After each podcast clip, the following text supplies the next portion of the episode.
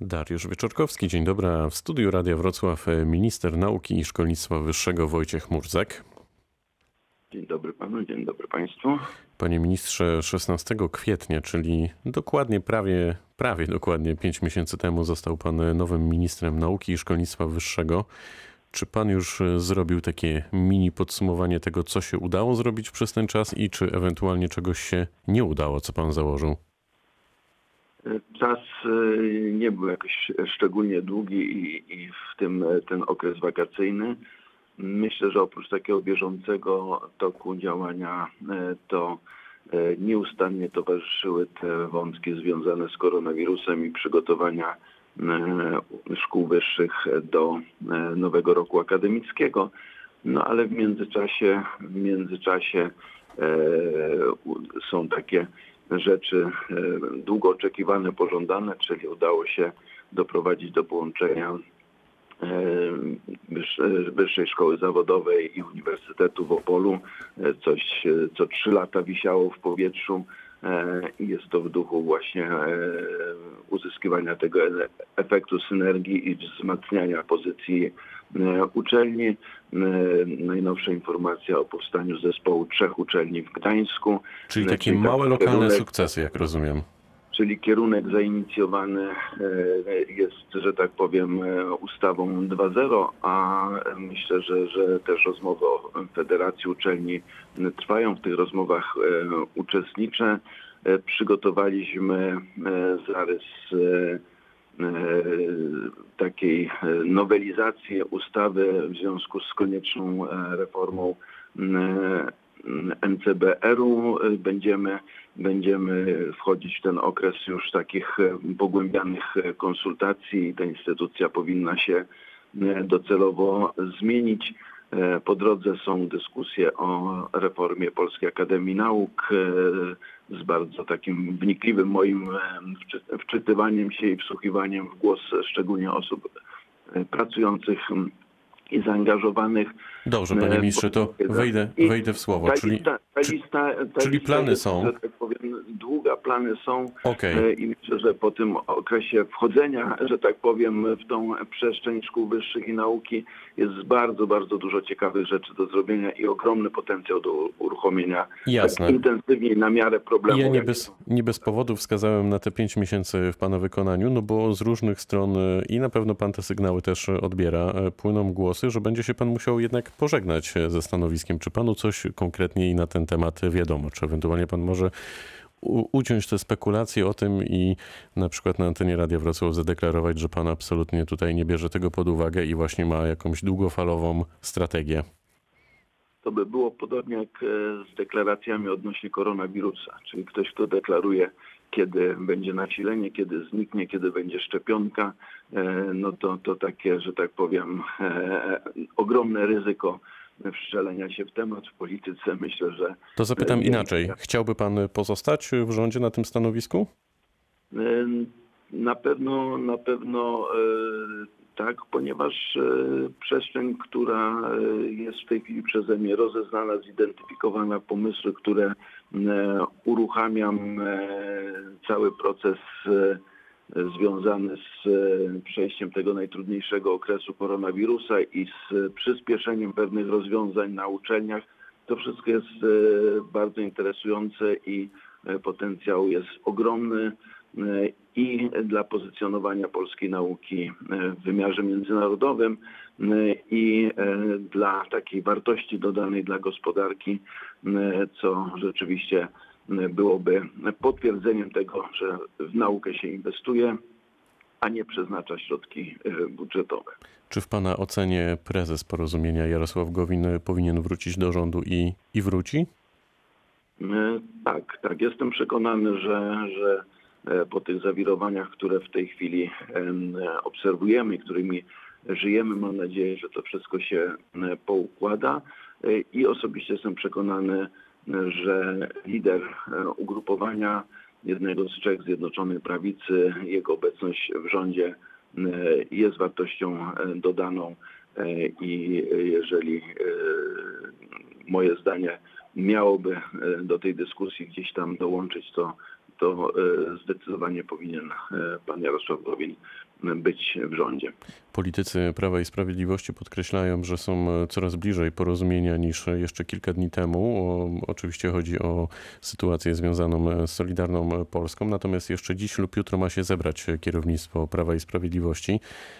A pan jakie ma sygnały? Jak pan to czyta? Czy faktycznie ta koalicja Zjednoczonej, obóz Zjednoczonej Prawicy przetrwa, czy, czy jesteście na, nadal na dużym zakręcie i ciężko jest z niego wyjechać bezpiecznie?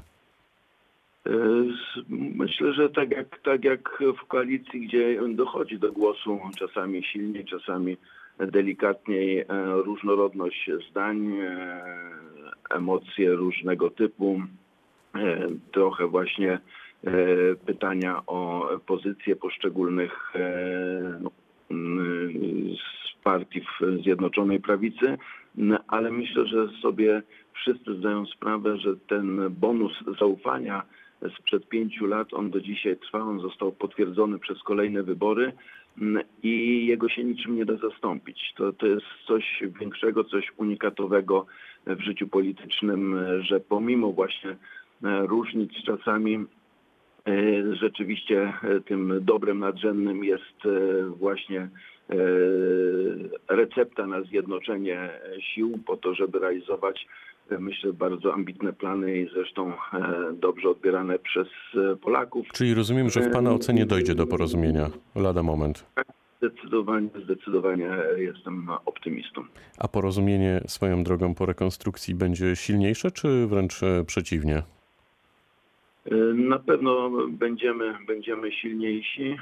Widać to po naszych, że tak powiem, zachowaniach. Widać, że, że jest, że tak powiem, większa doza spokoju, że widzimy te wartości dodane właśnie porozumiewania się i budowania jedności. No i tutaj bardzo, bardzo nam zależy, żeby to napięcie między Prawem i Sprawiedliwością i Solidarną Polską zostało jak najszybciej zniwelowane i żebyśmy więcej akcentów kładli na to, co powinniśmy jeszcze zrobić, szczególnie w tej sytuacji pandemicznej, a, a ja bardziej jeszcze akcentuję te wszystkie skutki, które przekładają się na gospodarkę.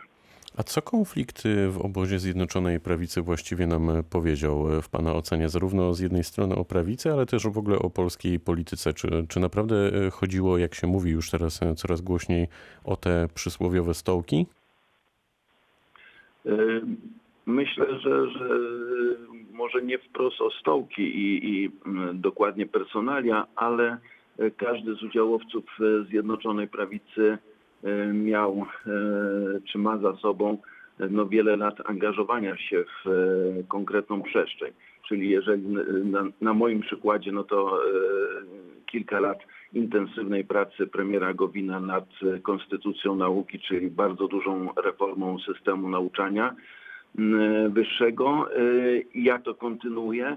No i teraz jakby przerwanie tej ciągłości, tego włożonego serca i, i umysłu, no tu są te żale, że, że, że, że szkoda byłoby ten dorobek stracić. Oczywiście ktoś, mam nadzieję, może to kontynuować, ale mimo wszystko to jest taka modyfikacja, która wprowadza ten element znaku zapytania, czy, czy po prostu będzie ten kierunek w 100% nie tylko utrzymany, ale rozwijany. I tak podobnie z innymi obszarami, że pewne obszary były przypisane koalicjantom, w które koalicjanci się angażowali.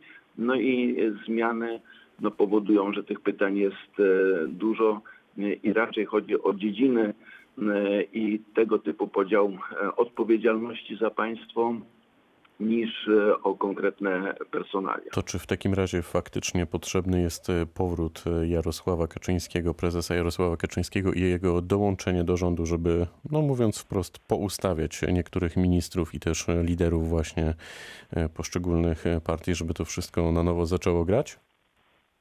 Myślę, że, że, że to jest wariant, który na pewno, na pewno wprowadziłby zmiany w całości organizacji, ale przecież jasne jest, że tutaj ścisła współpraca pana prezesa z premierem Mateuszem Morawieckim e, przez ostatnie lata pokazuje, że, że e, można kontynuować w ten dotychczasowy sposób.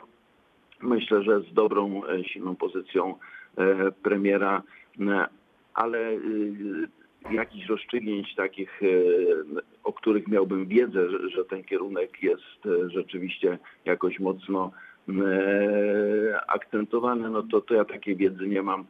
Krążę to jako jedna z potencjalnych możliwości. Wydaje się, że nikt z osób ważnych w Prawie Sprawiedliwości takiej tezy jeszcze publicznie chyba nie potwierdzał. Przynajmniej ja nie mam takiej wiedzy. Dokończąc ten wątek polityczny, czy jak pan e, brał udział w posiedzeniach rządu i obserwował pan relacje pana premiera Morawieckiego i pana ministra prokuratora generalnego Zbigniewa e, Ziobro, to widział pan tam tak zwaną e, chemię, czy raczej absolutny jej brak? Nie, na posiedzeniach e, rządu wszystkie te, te rzeczy, gdzie zajmujemy się konkretnymi e, e, problemami, ustawami przede wszystkim, e, takie, e, że tak powiem, e, prywatne e, sympatie, czy, czy, czy ich e, ewentualnie e, brak nie dochodzą do głosu, e, niezależnie o których osobach, osobach mówimy. Raczej jak, jak jest praca, to, to wszyscy się koncentrują na tym, e, czy, czy powiedzmy w innych sytuacjach, to, to nie chciałbym Jasne. komentować. Dobrze, nie to kończymy, wiedzy, kończymy panie ministrze nie, ten nie wątek. przeszkadza to pracą, e, dobrym prac, dobrej pracy rządu. I na koniec e, pytanie chyba o rzecz, a nawet na pewno najważniejszą. Jak w tej chwili wyglądać będzie w praktyce nauczanie na polskich uczelniach? Czy będą przeważać zajęcia online, czy raczej powoli wszystko wróci do normy? E, Ja zachęcam, żeby jak najbardziej wszystko wróciło do normy. Kończy swój byt rozporządzenie e, z końcem miesiąca, które zawieszało e, tą e, normalność w funkcjonowaniu szkół e, wyższych e, i instytutów też e, badawczych. E, To wszystko e, wchodzi, że tak powiem, już e, do historii. E, Szczególnie e, takiej nietypowej, jeśli chodzi o ten rok. Natomiast y, w międzyczasie jasne, że, że e, doszły intensywniej do głosu te wszystkie rozwiązania nauczania zdalnego. Ja nazywam to wersją e, hybrydową, ale muszę powiedzieć, że są takie istotne zmiany też w nastawieniu władz poszczególnych uczelni, czyli są uczelnie, które po otrzymaniu przez nas rekomendacji wydały zarządzenia, że oni jednak mimo wszystko chcą bezpiecznie i, to jest priorytet y, i zdalnie. Ja mówię bezpiecznie, ale bez straty jakości.